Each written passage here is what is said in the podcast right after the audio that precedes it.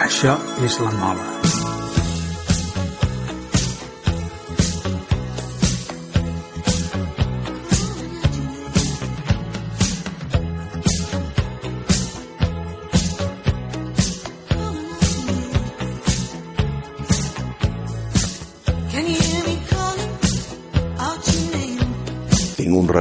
De aquí ens ajuntàvem, doncs, eh, jo segons tinc entès, va haver un moment que van arribar a prop de 60 persones entre cosins dels meus pares, oncles avis meus i els seus descendents. Això a Can Poble. Això va durar fins al 67, clar, jo al 67 tenia 9 anys. Eh? Es van anar despenjant uns quants perquè hi havia un problema de capacitats. Els, el meu avi eren nou germans. I aquests són els primers records, vull dir, vindre aquí al setembre i gaudir estar tot el dia jugant amb molta gent, perquè, clar, hi havia molts cosins de la meva edat. I de la muntanya, doncs, eh, tinc algun petit record d'una collita quan jo era molt petit al camp de la Noguera i després, bueno, mm, durant quasi bé 50 anys, els massovers eren la família Guix. Van arribar als 55 i van estar fins al 2003, que es va morir el fill, desgraciadament. I llavors el pare ja no va poder continuar a viure aquí. Pues era això, el Joan, la Lola i el Joan fill, també dit Joanet.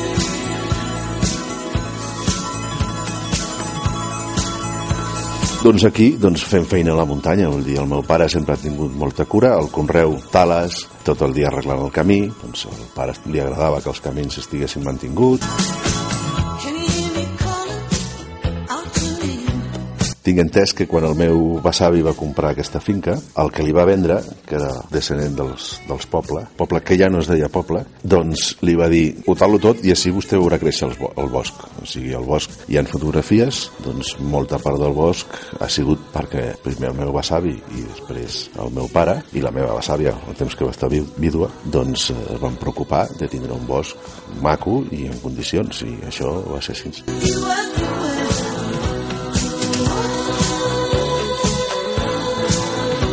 Ara, la meva família tenia una fàbrica a Sabadell, al costat del riu Ripoll, que era Quadres i Prims. El meu besavi era el segon, el gran tenia la casa Pairal Quadres a, a Massanes, que després va fer una casa molt maca de Puig i Calafalc, i llavors el meu besavi buscava una finca. Va mirar alguns puestos, sé que va mirar al Vall d'Aran i es va assabentar de que es venia a Sant Llorenç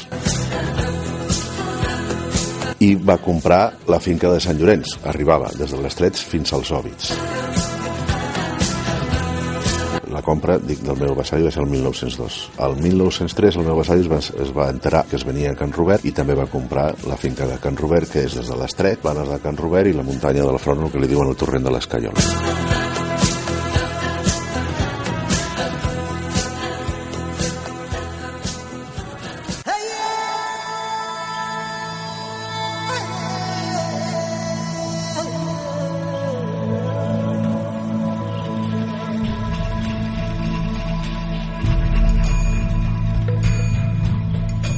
Això és la mola.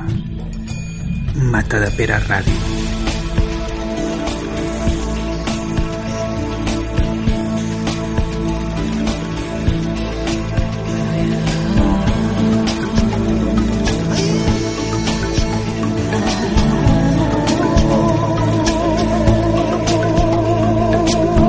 Gran guia d'avui és el Josep de Quadres i Sants. La família Quadres ha estat clau en la història de Sant Llorenç del Munt al segle XX. Llocs tan emblemàtics com el cim de la Mola, el Sòbit, Sant Agnès o el Morral del Drac han estat propietat d'ells des de l'any 1902 fins a la dècada dels 80. Gran part de la finca actualment és de la Diputació de Barcelona, però encara ara els quadres tenen una gran extensió que, com hem sentit, va des dels cingles de Can Poble fins als caus cremats a l'altra banda de la Riera. El que han fet directament els quadres a Sant Llorenç del Munt, el que han deixat fer a d'altres i sobretot el que no han deixat fer a ningú ha determinat l'evolució recent de tota la muntanya. Amb el Josep Quadres parlarem del seu besavi Antoni, del seu avi Josep Maria, del seu pare Josep Maria i també d'ell mateix, que des del mes de desembre ostenta la propietat de la finca i un títol nobiliari eclesiàstic. El Josep és el nou comte de Sant Llorenç del Munt. She's lost his trust, and so she must know all is lost. The system has broke down. Josep, com és que als anys 80 veu deixar la propietat de gran part de la muntanya de la Mola, la Canal de Sant Agnès i els Sobis?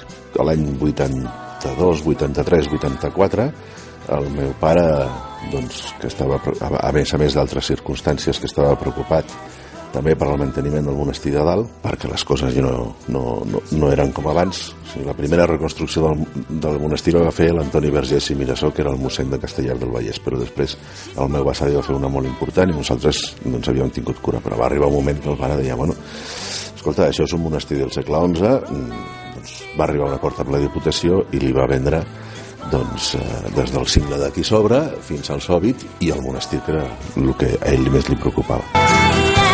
This boy is cracking up. This boy has broke down. Eh, com ens deies, al principi va ser el teu besavi qui l'any 1902 va comprar la muntanya de la Mola. Eh, com es deia el teu besavi? Què és el que va fer? El meu besavi es deia Antoni de Quadres Feliu, Prim i Coma. Són els quatre cognoms. I, I a vegades la gent es confon perquè ell es va casar amb una cosina seva i el meu avi també es deia José María de Quadres Feliu. Vale? Amb el qual, clar, com que els dos cognoms són iguals, hi ha molta gent que es confon i diu que eren germans. No, eren pare i fill. Bueno, ell es va construir aquesta casa, la va, la va comprar la finca en 1902, hi havia un mas mm, que era Can Poble, eh, el mas de Can Poble doncs estem parlant del 1902, el van derrocar i va construir el que hi ha avui en dia.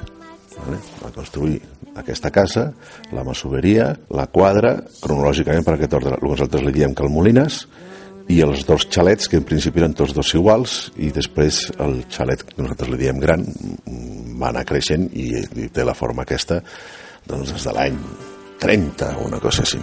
Vale? Hola.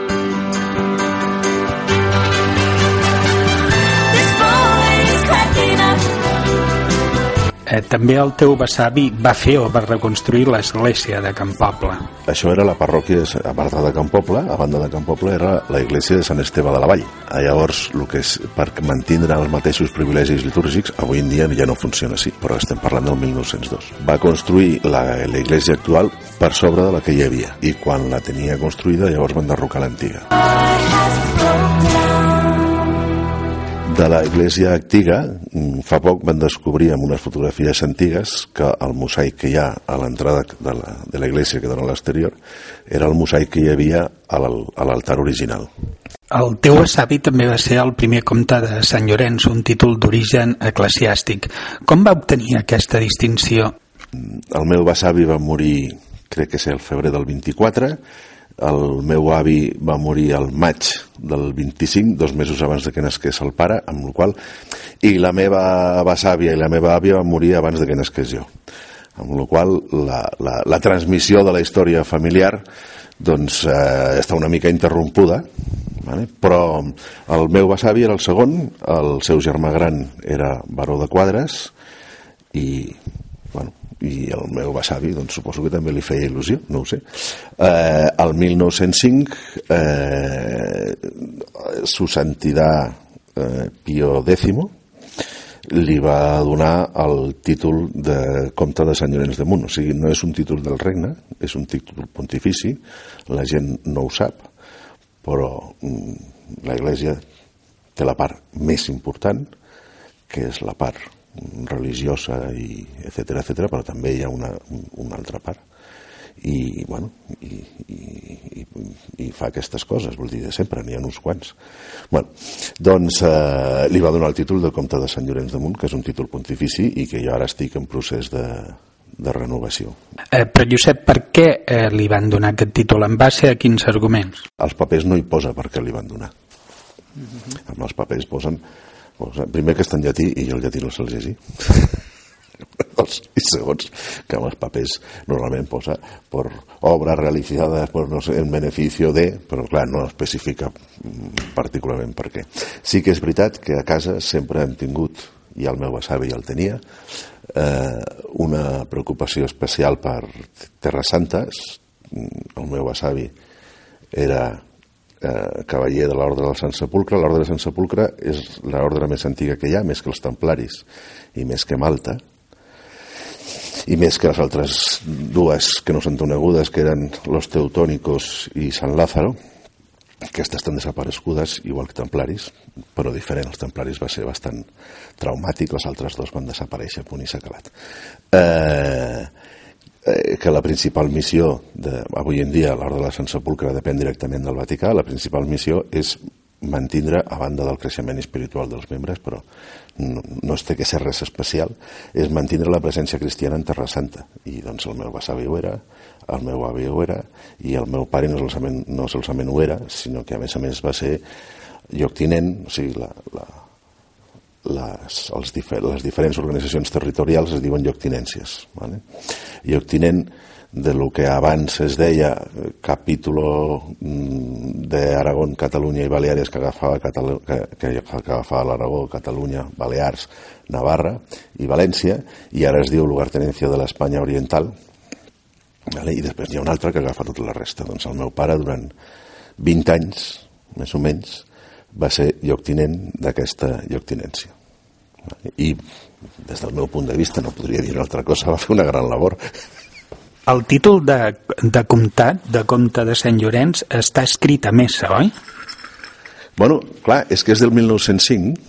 Vale? El 1905 eh, en què el, el Pompeu Fabra encara no havia escrit la seva gramàtica i, i la gent escrivia en català doncs més o menys com volia.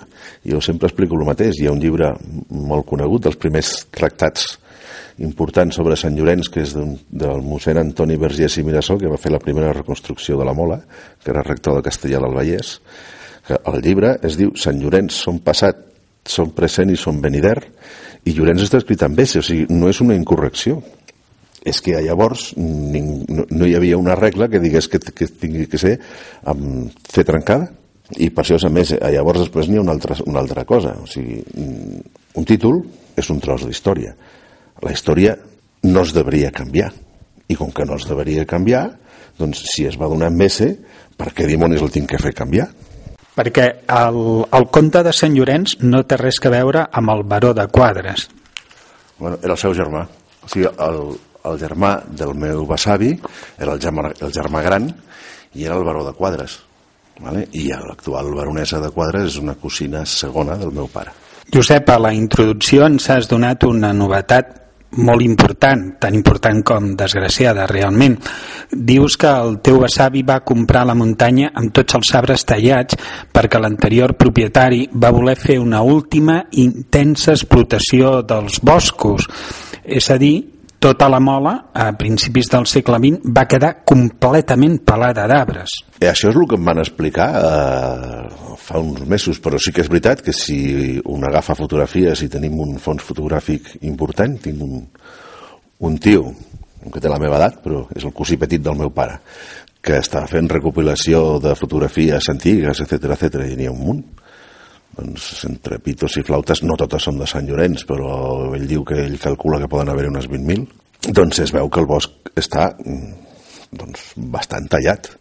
Eh, tenim, eh, tenim que tindre en compte que, així com avui en dia no, però en el seu moment la gent treia molts diners del bosc. De l'etapa de, de l'Antoni de, de Quadres, o sigui, que va del 1902 fins al 1924, d'aquella etapa què és el que fa ell a, a Sant Llorenç? Doncs, eh, a banda de fer les cases, vale? eh, que era una obra important, va fer la segona reconstrucció important de la Mola, que la primera la va fer l'Antoni Vergés i Mirassós, però ell inclús si et poses a l'avantguàrdia a la hemeroteca mm, va, va organitzar alguna cursa que era sortir de Camp Poble em sembla que van, van fer dos o tres eh, anar corregent fins a la Mola i baixar que eren unes curses atlètiques i coses d'aquestes i inclús a l'avantguàrdia surt pues, eh, Antonio de Quadras i Feliu eh, sigue eh, l'avantguàrdia està escrit en castellà eh? doncs eh, sigue con la reconstrucció del monasterio de Sant Llorenç de Munt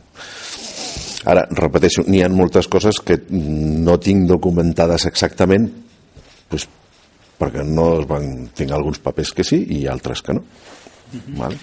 En aquell temps encara hi havia cultius, no? Aquí. Sí, bueno, n'hi ha fotografies amb el... Clar, les fotografies són fotografies familiars, no són fotografies per documentar. I com que no són fotografies per documentar, o sigui, les tens que no, no surten de tot. Però tot el que és aquestes feixes de Can Poble, les que van fins a l'era, i les de l'altra banda que van fins al revolt dels petons, vale? tot això estava conreat, o sigui, perquè jo ho he vist en fotografies, i estava tot conreat, eren tot camps, vale? sé que el camp de la Noguera també estava conreat, i no sé quins més trossos hi havia, i per lo que tinc entès, i per això el primer edifici de tots de Can Poble, arribant per al camí, es diu La Quadra, també n'hi havia vaques. Però això es va deixar de banda jo crec que els, després de la guerra una cosa així crec que el Conreu els van a deixar córrer eren vinyes o...? no, no, era, era, jo penso que era cereal per lo que es veu vinyes no, les vinyes eh, originalment i es veu vale? perquè si un va caminant cap allà doncs la volta de les Rambles que es diu encara queden moltes restes de feixes i es poden preveure, però jo penso que les, les vinyes quan va arribar la filoxera que va ser, si no recordo malament, a partir de 1850, 1870, es van arrencar totes i no es van tornar a posar mai més. Mm, vinyes, que jo sàpiga, no. no ni, ni he sentit parlar mai de fer vi, ni n'hi ha cap tipus d'instal·lació. La reconstrucció, aquesta segona reconstrucció de la mola, està molt poc documentada, no, no, hi ha, no, no s'explica gairebé mai. Eh, sap què és el que va fer? No, no gaire, vull dir, ara doncs estem recopilant informació i amb les fotografies però com que llavors mm, no hi havia un espírit de reivindicació ni de res, doncs les coses es feien, però no es documentaven. Per què? jo ho faig perquè vull reconstruir aquest, aquesta iglesia i aquest monestir, però no faig, estem parlant de fa més de 100 anys, les coses no es documentaven però mm, sí que sé que, que, es, que es va fer bastanta cosa. Saps si el teu besavi, l'Antoni de Quadres, passava molts dies a Can Poble, en aquesta casa des d'on, per cert, avui estem fent, això és la mola, avui estem fent aquest programa? En aquell temps, el meu besavi, quan es va comprar aquesta, eh, aquesta finca, ja vivia a Barcelona, abans vivia a Sabadell, vivia al Parell de Laguna Nova, els estius eren diferents, els de la nostra edat encara ens, ens podem recordar del que era estiuejar, avui en dia no s'estiueja, avui en dia es fan vacances, amb sort un mes, però el normal és fer dues setmanetes i guardar-se una setmana per no sé quan i una altra per no sé quan, vale? però llavors els estiuets de, dels nanos eren diferents i que jo sàpiga anaven dos mesos a Calella i llavors agost, agost i setembre venien aquí a Sant Llorenç. O sigui, aquesta casa es va fer com una casa d'estiueig. Al meu avi em sembla que no li, al meu besavi em sembla que no li agradava gaire el mar i li agradava més la muntanya. I, i venien agost i setembre aquí.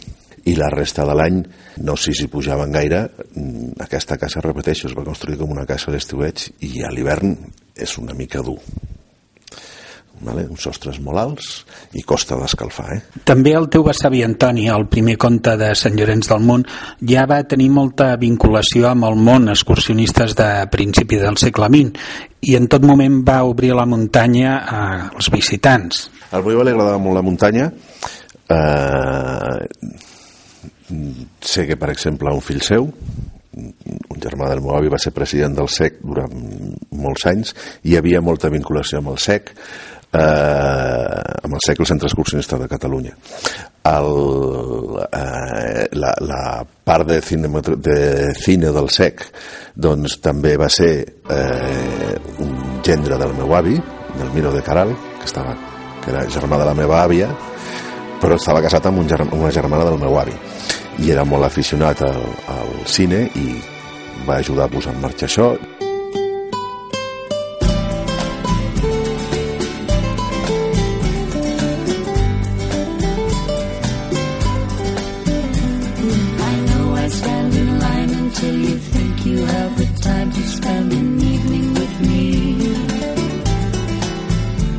pel·lícules de com pujaven a, a Cavall Bernat, com pujaven a la Castellassa, no sé si són de, algunes són dels 20, després, sí, jo crec que la majoria són dels 20, a més a més és curiós perquè així com avui en dia la gent va molt equipada, etc etc.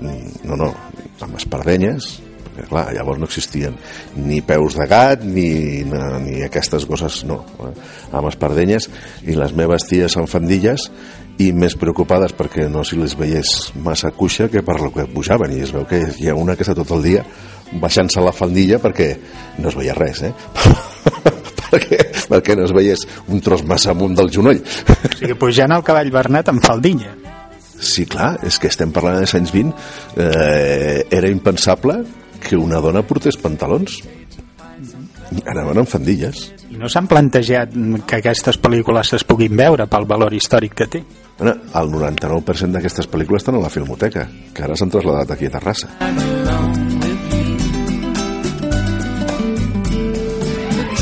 right, your perfume fills my head, the stars get red and all the nights so blue.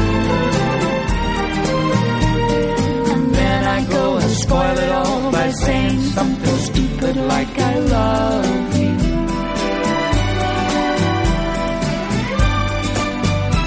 per acabar amb l'etapa aquesta del 1902 al 1924 de l'Antoni de Quadres la foto més coneguda potser per tothom és la que està amb la suposada costella de, del drac de suposada res, és la costella del drac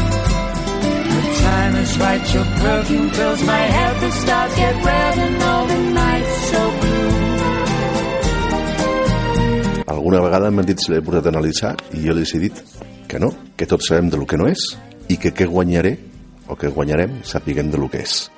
Res. De suposada, és la costella del drac.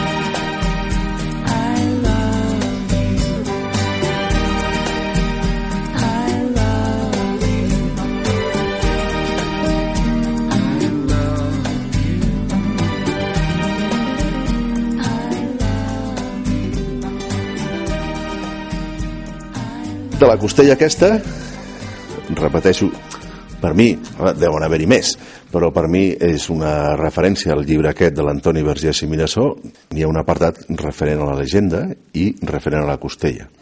Explica que aquesta costella abans era molt més gran que ara, el llibre aquest, perdó, és del 1871, si no recordo pas malament.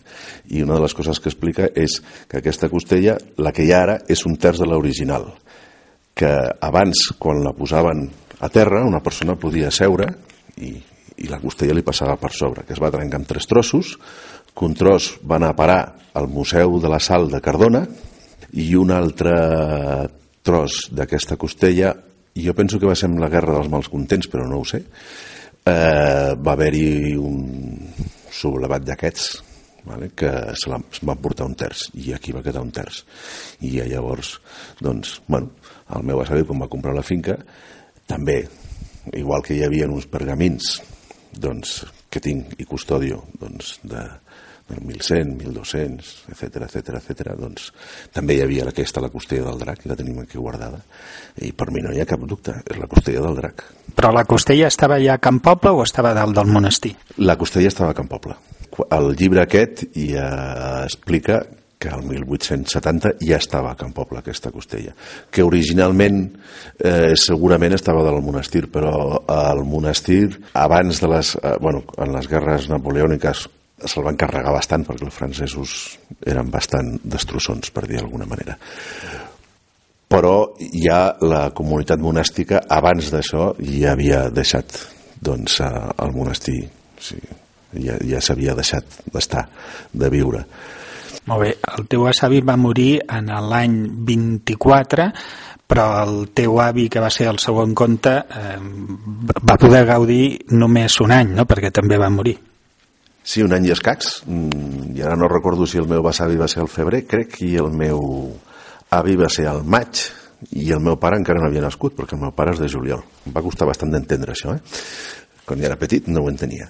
Uh, sí, el meu besavi, mm, el meu avi, perdó, doncs va estar molt poquet, pobret, i segurament hagués tingut doncs, un altre desenvolupament Sant Llorenç perquè, entre altres coses, ell era enginyer agrícola i, a més a més, número de la seva promoció dos vegades. Ho dic perquè era número 1 de la seva promoció i era la primera promoció d'enginyers agrícoles que es feia. el número, bueno, I suposo doncs que segurament hagués tingut un altre desenvolupament. Mm, no ho sé. Eh, el pobre home doncs, li van agafar les fibres de Malta i, i es va morir. Per tant, el, el teu pare, quan va néixer, com ja havia mort el teu avi, ja va néixer amb la condició de tercer comte de Sant Llorenç. Va néixer amb la condició de tercer comte de Sant Llorenç i va néixer amb la propietat, amb l'usufruit de la meva besàvia, però ja amb la propietat de la finca. Sí, sí, el, el, el meu pare ha sigut comte de Sant Llorenç 88 anys i mig.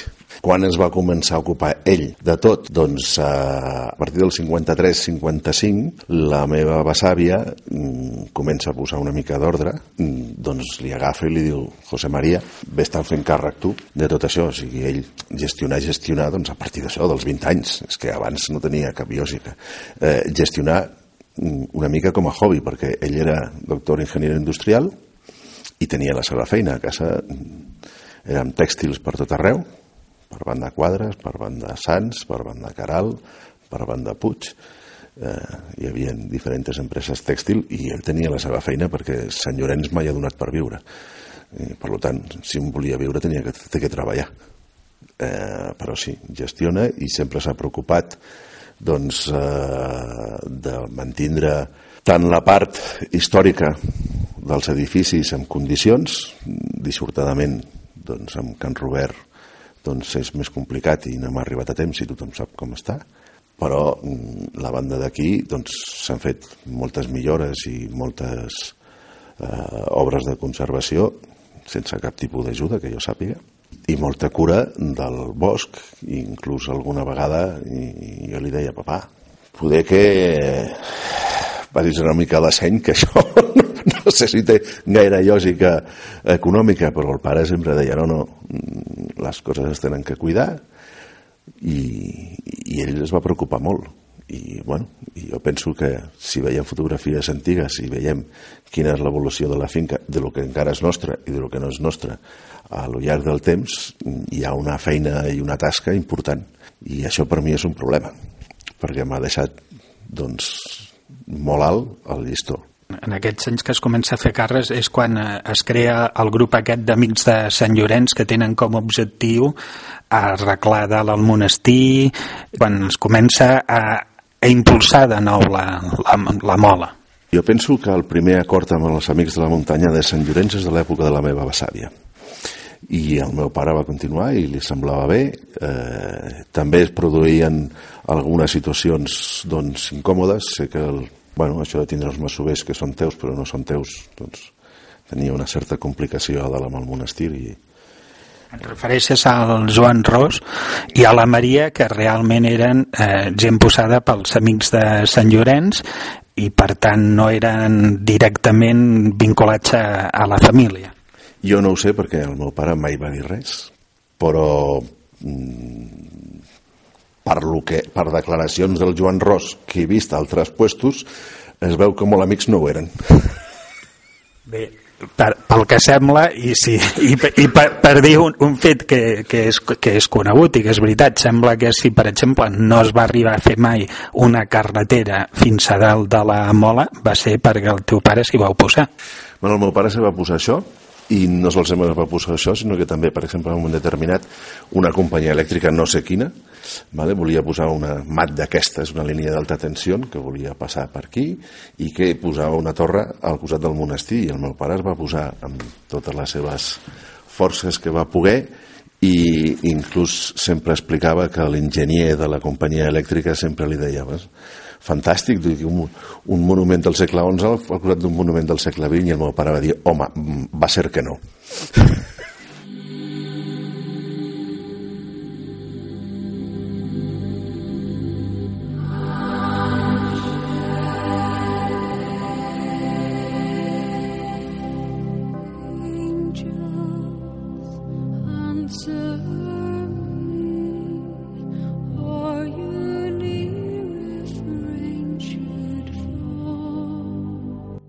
considerava que la muntanya doncs, es tenia que conservar unes condicions que són les que hi eren i que no es deuria eh, fer malbé. Per una altra banda, també sé que en el seu moment es va mirar un telefèric, que era una manera de... El que passa que tenia uns costos i una viabilitat econòmica difícil, però era una manera poc agressiva de facilitar l'accés a la mola sense fer malbé perquè clar, si tu fas una carretera per on la passaràs? Per al camí dels monjos i què faràs amb el camí dels monjos? desapareixerà perquè li posaràs home, no crec que sigui asfalt però li posaràs terra perquè puguin circular els cotxes canviaràs el traçat totes aquelles gorges que n'hi han i aquests tros empedrats te'ls carregues això no tinc cap dubte i el meu pare això no ho volia perquè creia que es tenia que mantindre com estava.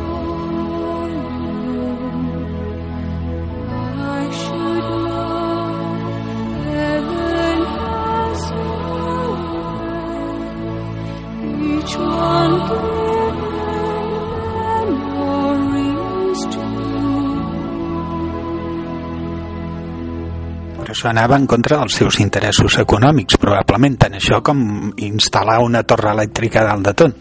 Sí, el meu pare eh, a mi em fa una mica de ràbia, però moltes vegades no es reconeixen que la família Quadres, no jo, eh, però la família Quadres ha lluitat i ha fet moltes coses, però això, des de luego, i no hi ha cap dubte, que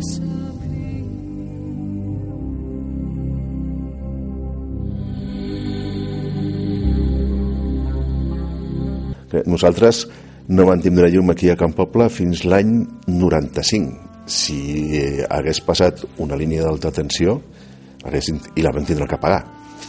I va costar un ull de la cara, que es diu. Si hagués passat una línia d'alta tensió, no solament haguessin cobrat, perquè es paga per passar una línia, sinó que a sobre haguessin tingut llum i no l'haguessin tingut que pagar nosaltres. Uh, això per una banda, per, per posar-te el cas de la llum. Uh, per una altra banda, és indubtable que si la mola hagués tingut un accés rodat, doncs la mola tindria un altre desenvolupament i a lo millor doncs, el meu pare mm, no se l'hagués vengut a la Diputació. Però el meu pare era i espero que me l'hagi transmès bé i jo espero transmetre al meu fill gran posava per sobre dels seus interessos econòmics i això que hi havia moments va passar moments durs perquè la crisi del tèxtil dels 70, 80 i pràcticament 90 van ser durs però ell tenia una manera de pensar crec que correcta amb el qual creia que les coses es tenen que preservar per als següents i això és el que va fer en contra dels seus interessos econòmics immediats i no immediats. I això és una veritat que contempla.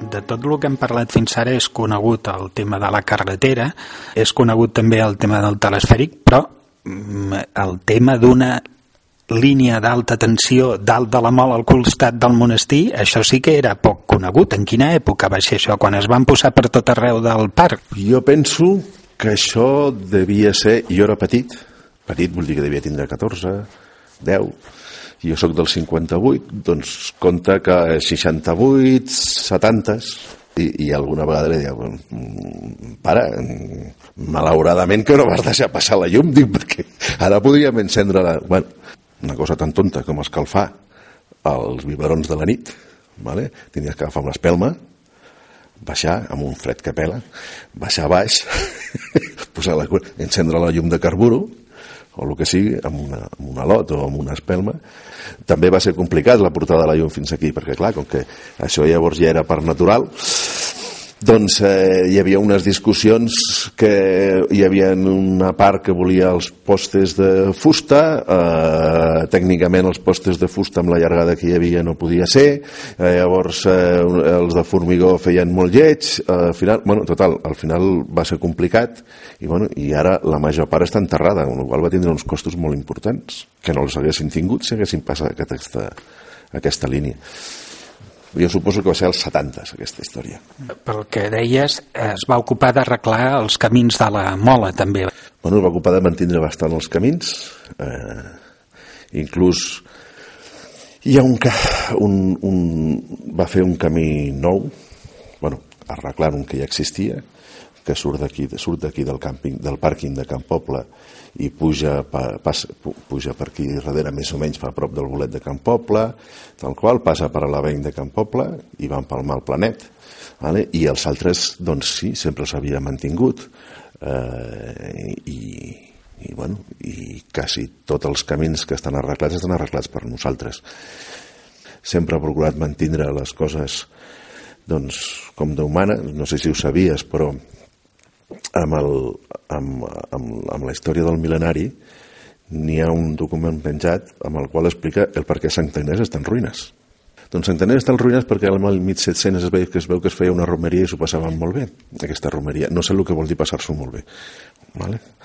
Eh, I llavors el rector de Nata de Pere va dir que hi haurà una disbàusia, i suposo que Sant, que Sant Agnès ja estava abandonat, i va demanar l'enderrocament de Sant Agnès, perquè si tu hi vas... Bueno, jo tinc fotografies que estan molt, molt més sencer que ara. Però si tu hi vas i tu mires, veus que Sant Agnès era molt gros. Tenia tres pisos d'alçada, jo, eh? Jo no sé del que viurien les pobres dones que vivien allà perquè no crec que hi haguessin gaires camps de conreu, però bueno, és igual.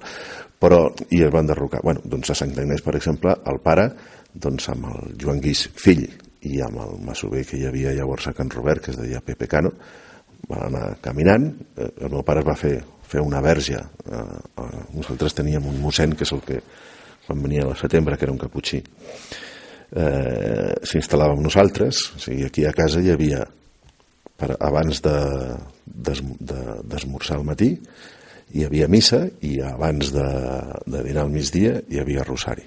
I hi havia, per dir d'alguna manera, sempre un mossèn que sempre era caputxí aquí visquent. Amb nosaltres, quan nosaltres no hi érem, no, eh?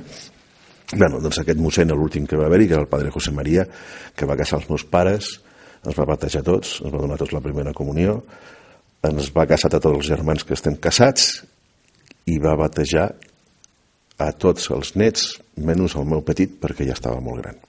bueno, doncs aquest home era escultor, vale? com a hobby era escultor, i li va fer fer una verge de Sant Agnès, eh, que després la va fondre amb, amb, amb ferro, suposo que és, i està posada a l'església de Santa Inés, que per sort l'han respectat, però la va posar ell, o sigui, va agafar, va agafar els dos masovers, van anar carregats amb la verge aquesta, amb els sacs de ciments corresponents, i van anar pum, pum, pum, pum, caminant, i la van posar.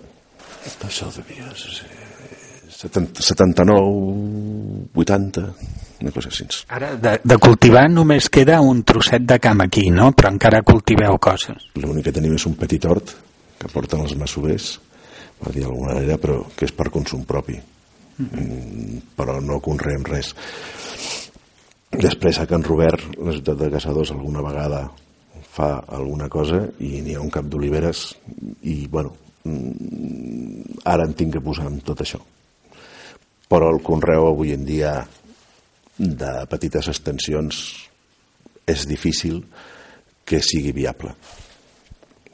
Ara, doncs eh, també tinc quatre gallines, bueno, unes quantes, quatre que són set, si no recordo pas malament, però són per consum propi. Mm, si em mirés aquí, aquí en preu un surt cada ou, doncs sortiria més barat comprar al Mercadona. Però bueno, no dona feina i ja està. I a l'hort tres quarts del mateix. O sigui, si jo mirés a, aquí en preu surt cada tomàquet, mm, pff, fa una mica d'il·lusió, però no, no, no hi ha conreu de veritat. I l'aigua, eh, sempre heu tingut aigua de la font aquesta que hi ha davant de, de l'església, no? Mm, per començar, tenim que posar les coses en el seu context. Quan aquesta casa es va fer, hi havia a totes les habitacions un lavamanos, que es diu, i crec que hi havia llavors dos quartos de banys complerts, vale? i uns quants eh, retretes en cada pis. Vale? Però no n'hi havia. I quarto de bany, quarto de bany, penso que quan es va fer la casa estava al sòtano. L'any 1900 la higiene era diferent de la d'avui en dia. Vale? Eh, amb la qual les necessitats d'aigua eren diferents de les d'avui en dia. Com funcionava nosaltres amb l'aigua? Doncs hi ha una cova aquí dalt que quan... No sé com... A, a mi Vicent es diu Trull, vale? Mm -hmm. perquè jo durant 25 anys de la meva vida he estat anant quatre dies a la setmana a Eivissa, hi ha un trull que quan plou surt un raig d'aigua. Llavors, eh, important. Hi havia una cosa que li deien un xupete, que quan portava un rato ploent eh, obrien les canalitzacions perquè s'omplissin aquests dipòsits que hi ha aquí. El qual com a sistema era bèstia, perquè tenies que pujar mullat amb roca que té de tela. Bueno, ja es va canalitzar i ara està tot canalitzat i això s'omple aquests tres dipòsits. Aquesta instal·lació es va trencar fa molts anys i llavors què fèiem? Doncs al dipòsit de darrere de la capella doncs es posava una bomba perquè hi havia llum i s'omplien els dipòsits. I un dia vaig pensar, tu ets ben burro, eh? Dic, agafes l'aigua aquesta, la poses als dipòsits, que no són coberts, i quan vens tu, i han parat tres mesos, l'aigua fa una pudor de nasos, dic, escolta, poder que facis un altre plantejament. Llavors vaig trucar, trucar eh, exactament al, al, al pintoret i li vaig dir, escolta, fem una instal·lació que vagi directament fins a casa. I ara tenim aigua de la font per tota la casa, inclús podem veure aigua de la seta, que abans no es podia, i ens podem duixar sense que fes més pudor. Que a vegades feies més pudor quan sorties de la dutxa que quan entraves. Diferent de pudor, però vale? ara ja ens podem... I els dipòsits, doncs, la tenim doncs, per l'hort. Vale? I el de fer la font nova de Can Poble, per què va ser? Que a més va durar en funcionament poc temps, no? Eh, això també va ser el 60. Va arribar un moment que es va prendre la decisió de que clar, un munt de gent aturada aquí agafant aigua, primer passaven dues coses, no teníem aigua prou, vale? I, i segona, eh, doncs hi havia molta gent aturada a la porta de casa, i llavors es va fer una canalització fins allà, però la trencaven cada dos per tres. Va durar 20 anys i al cap de 20 anys el meu pare, primer que la gent ja no hi anava cap a aquella banda d'allà i va arribar un moment que va dir escolta, una cosa és que jo estigui arreglant perquè la gent tingui aigua i una altra cosa és que vingui un, vàndalo vale? i se la carregui, però és que era pràcticament una vegada al mes. Va dir, un dia s'ha acabat, ja no l'arreglo més. Així de senzill. Abans, quan, eh, quan parlàvem dels temes dels documents, si, si els hòbits, Sant Agnès, eh, el monestir, eh, tota la mola era d'aquesta casa, dintre dels documents que, que deu conservar Can Poble, deu parlar de, tot, de tots aquests indrets, no? Bueno, els documents són molt pocs la majoria, la, la majoria dels documents que n'hi ha són referents al monestir i ja els tenien amb el cartolari de, de, del monestir i els tenien o tenien còpia perquè en el seu moment ja es va facilitar o el que sigui. I dels hòbits tampoc no hi ha cap document que parli de quan encara estava habitant ni res?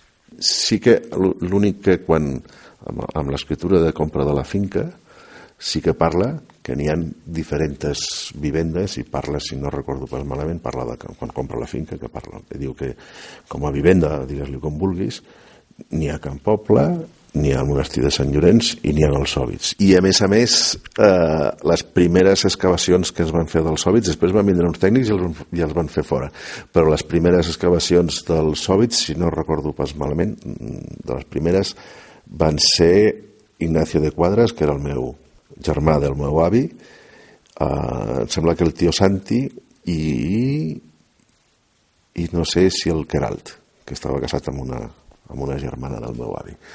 Vale? Però després ja van vindre uns tècnics tal qual i sé que eh, van empipar una mica perquè es van, fer, es van apartar. Però van ser de les primeres excavacions que van haver-hi un estiu que d'altres coses, quan, es van, quan ja havien escalat tot l'escalable, ja van fer totes les excursions mm, que es podien fer, van dir, i ara què fem? I van dir, escolta, si els sobrins anem allà, i van començar a fer unes excavacions, que són de les primeres que es van fer.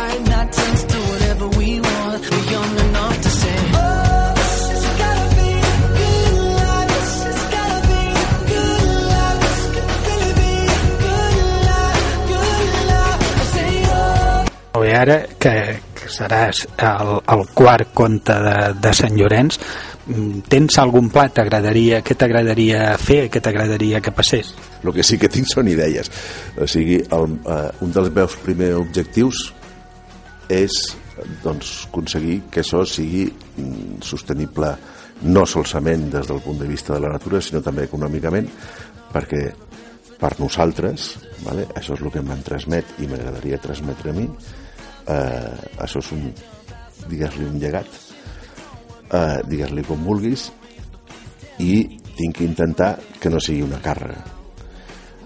Eh, per al meu pare, com tu ja m'has explicat abans, doncs va ser una, un, bueno, una càrrega no, no portada amb disgust, però econòmicament parlant va ser una càrrega i jo tinc que mirar doncs, que això no sigui una càrrega ni per mi ni per al meu fill i un dels meus objectius és que això tingui una viabilitat com? doncs és, bueno, el meu pare va morir fa dos mesos encara estic pensant com dir, ara està parlant molt de la biomassa s'està parlant molt de moltes coses dir, sí que és veritat que n'hi ha uns quants edificis i aquests edificis es tenen que posar en valor que es diu, o sigui, tenen que treure una rentabilitat que fins ara doncs, està poc.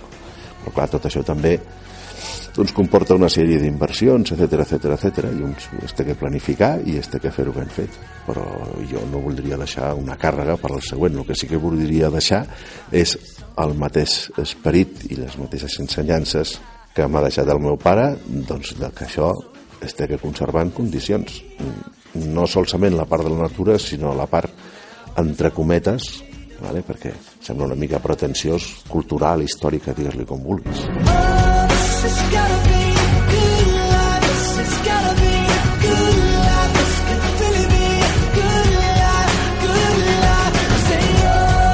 la biomassa, que seria explotació del bosc que hi ha? Si volem tindre uns boscos sants, volem tindre uns boscos en condicions, volem tindre uns boscos que no siguin perillosos des del punt de vista dels incendis, ja l'administració ja s'ha donat compte eh, ara fa falta que es doni compte la ciutat. Es tenen que gestionar i tenen que ser rendibles. Si no mm, els boscos s'abandonaran. Abans els boscos hi havia molt menys matolls que avui en dia perquè hi havia el que es diu ramoneo i pastoreo, o sigui, els animals salvatges que és el ramoneo, que menjaven les herbes i els, els, els ramats que també ho menjaven. El sotabosc estava a ratlla avui en dia tot això ha desaparegut hi ha, un, hi ha puestos amb els quals un no es pot ficar perquè està molt brut. I quan es parla de brutícia al bosc la gent es pensa que parles de llaunes, de, de gorilles, de bosses de plàstic. Això fa lleig, però no passa res. Vull dir, no passa res. Fa lleig, d'acord? Una borilla triga 25 anys en desaparèixer, una llauna triga no sé quants, una bossa de plàstic no desapareix mai perquè l'únic que es va fent és va fer trossos petits, però uf, triga segles però això no provocarà mai un incendi. O sigui, el que provocarà o farà que hi hagi un incendi són els matolls i la càrrega de combustible. Això es té que mantindre a ratlla. I cada deu anys ho tens que netejar perquè torna a sortir. Doncs o, fem un sistema, o, o busquem un sistema de que els boscos siguin viables o si no mm, nosaltres tenim molta sort bueno, tenim molta sort i en el meu cas ho cuidem i procurem doncs, el tindre l'arreglat el bosc a pesar de que mm, tinc que dir que moltes vegades quan estem talant, i repeteixo, no traiem un duro, comentaris amb mala uva he sentit tots, però amb el boscos tenim que fer, la societat té que fer un exercici i dir, volem tindre boscos o volem tindre una cosa abandonada. De petit, quan venies a Camp Poble, quines eren les activitats que feies? T'aixecaves al matí, abans d'esmorzar, de, de, doncs, missa, a les 8 del matí, una cosa així, eh? Eh, després doncs anaves, hi ha un lloc que es diu el Castellvell i el Castellnou, que són com dos roques molt grans, i a sota hi ha una petita cova, per dir d'alguna manera, però no és una cova ben bé, eh? I, i allò era, doncs, el nostre castell, hi havia uns que tenien el Castellvell i altres el Castellnou, i doncs, figurava que ens bar... no ens barallàvem, eh? però figuraven que hi havia guerres, no, és igual, els indis i els vaqueros o el que fos, doncs, el normal. Qui participava en aquests jocs? Tots els cosins de la, de la nostra edat i els Molines. Els, els Molines... Perdó, perquè quan dius Molina et refereixes a la família de l'Alfred Molines, que va ser president del Foment de Treball i que va tenir durant bastant temps també una casa de, de Camp Poble, no? Bueno, el pare de l'Alfredo Molines, tinc entès que era company d'estudis del meu avi. Vale? I érem molt amics. Tinc entès que es va posar malalt i va estar visquent doncs, uns quants anys eh, aquí i ocupant-se de la finca. Eh, clar, el meu savi també era mort, el meu avi i el meu besavi. I, jo, i, i, i, i la casa, per mi sempre es diurà Casa Molines, i la van tindre, doncs, em sembla que la casa és dels 20, i la van tindre llogada fins al 95, 96, una cosa així, i ells estiuejaven, bueno, estiuejaven, eh, l'Alfred Molines és un enamorat de Sant Llorenç i de les seves corresponents parelles. Bueno, doncs aquests jocs quins eren? Els Molines que corresponien a la meva edat i els cosins quadres que corresponien a la meva edat. Doncs devien ser 10-12 persones i jugàvem junts, sí, clar. Bueno, I després, eh, abans de dinar, tocava una campana vale? i venies a fer el rosari i després dinava. I això són els meus records. I està tot el dia, doncs, o, o alguna vegada deien, pues avui anirem al Montcau. I llavors era una excursió llarga, o si no, estaves tot el dia corregent per aquí i fent, doncs, el que fan els nanos petits. No hi havia televisió, eh? I, i quan, eh, quan eres petits no, no pujaves molt sovint a la mola? Mm, a veure, és que pujar a la mola era una part d'un passeig, no era ni una excursió. Jo sempre dic el mateix, una vegada amb un cosí meu per banda de mare, o sigui, no, no tenia res que veure en Sant Llorenç, amb un cosí meu, amb Alejandro Gallard, doncs vam pujar corregent per la canal del Mico, llavors no fumava i estava molt més prim. I jo penso que vam, de, de tocar una paret a tocar una altra, no sé si eren 7 o 12 minuts correguent. Ara ni de conya. Però, clar, és que pujar la mola quan ets petit i estàs àgil i prim, sobretot prim, vale? no era ni una excursió, era anem a la mola i tornem a baixar, punto. Sí? També havia posat, en l'època que es feia el trial, clar, avui en dia queda molt lleig i és políticament incorrecte, però pujar la mola en moto 35.000 vegades, perquè era normal. També llavors, no, com que hi havia poca gent que fes trial, tampoc es feien malbé les coses. O sigui, el problema sempre és el mateix. Si un fa una cosa no passa res. Si ho fa 35, mm, ja comencen a haver problemes. Si ho fan 35.000, el problema és greu. Doncs això és...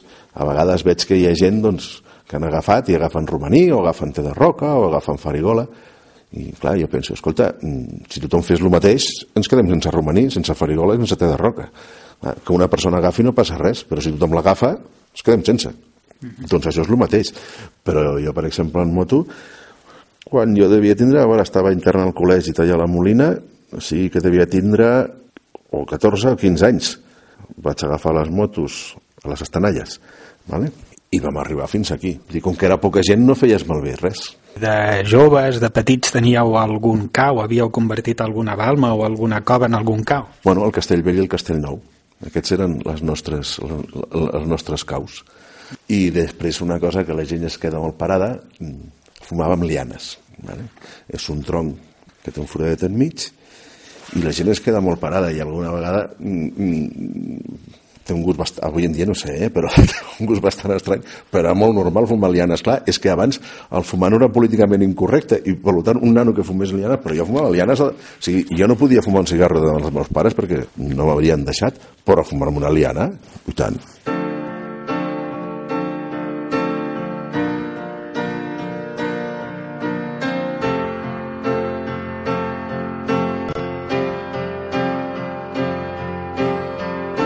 Ha una neta molt graciosa que explica la família.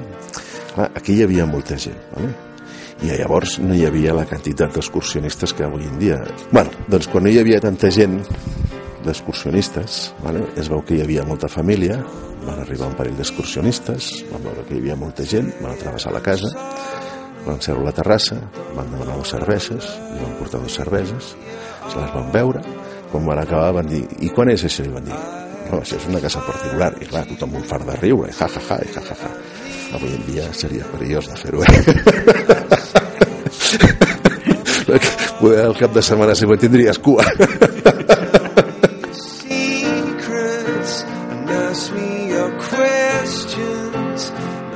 let's go back to la festa de Sant Llorenç, doncs, com que el monestir estava abandonat, doncs la festa del 10 d'agost mm, ho va recuperar a instàncies del meu besavi, eh, és, eh, pues sé que es va... Ah, bueno, després, anècdotes curioses doncs, de, de pujar aquí i, i tindre sustos, perquè clar, aquesta casa mm, tu l'estàs veient de dia i amb llum elèctrica, però amb llum de carburo es veia menys. Després, quan baixàvem a Barcelona i ens posàvem a la dutxa, sortia l'aigua negra la quantitat de, de, de, de pols que produïa el carburo, encara són, totes les làmpades que ha són rectificades, però són de carburo i encara està el tubo. Eh? Doncs, eh, però jo recordo que una vegada, doncs, pujar uns quants amics, però primer vam pujar un amic meu i jo, i vam pujar un dia abans. Vale? I a l'hora d'anar-los a dormir, vam dir, hem al llit, vam mirar tots dos, devien tindre 17, 18, 16, 17 anys, una cosa així, i no van tindre nassos de pujar a dalt, es van quedar aquí dormint a la ximeneia, vale? i brometes i coses d'aquestes, doncs, bueno, moltes. I was just guessing at numbers and figures. Hi ha sorolls estranys a la nit. les cases antigues que tenen les vies de fustes sempre fan i després, bueno, doncs es presta inclús science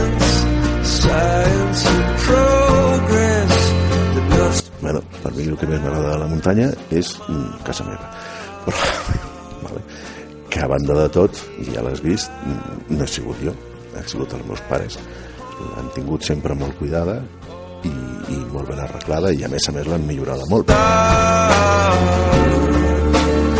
Després, doncs, bueno, a mi és que m'agraden tots els indrets. Mm, O sigui, si no tinc temps, faig la volta de les Rambles, o sigui, anar fins a la punta dels Escorpins i tornar-hi. Indubtablement, eh, la, la mola és un punt de referència, això no té cap dubte.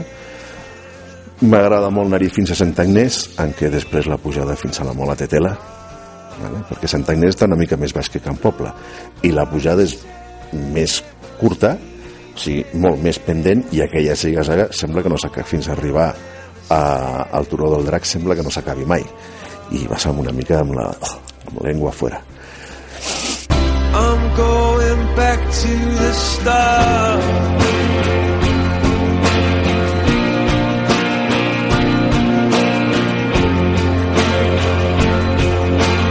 o si no una altra excursió molt tonteta però, o passeig molt tontet és, és eh, en l'última tala vaig, arreglar, vaig, vaig arreglar-ho jo el camí aquest doncs, que vas a parar fins a la Canal de la Vella fins que comença la pujada que s'acaba en una plaça carbonera és un, un altre passeig molt agradable de fer.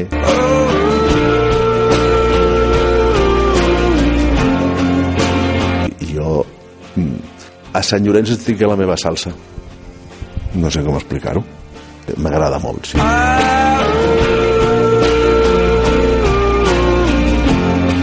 Algun amic em diu, escolta, tu que estàs a Sant Llorenç és un altre, dic, "Mm, pues poder sí, no sé, jo no m'havia donat compte.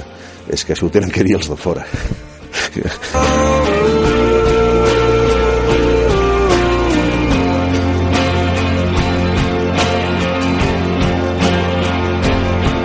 per mi sí, és diferent.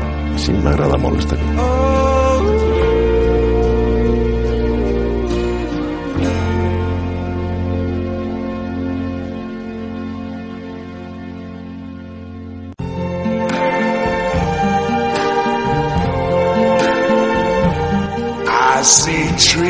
Avui hem conegut com el sud de Sant Llorenç va quedar pelat d'arbres el 1902. Així va passar a ser propietat de la família Quadres, més coneguda per ser contes de Sant Llorenç. Els contes han estat un segle als custodis de la mola i també de la seva relíquia mítica, la costella del drac.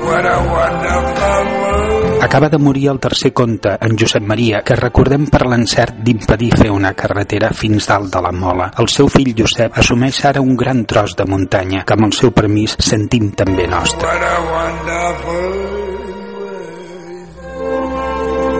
al llarg del temps hi ha una feina important i això per mi és un problema perquè m'ha deixat molt alt el llistó Això és la mola.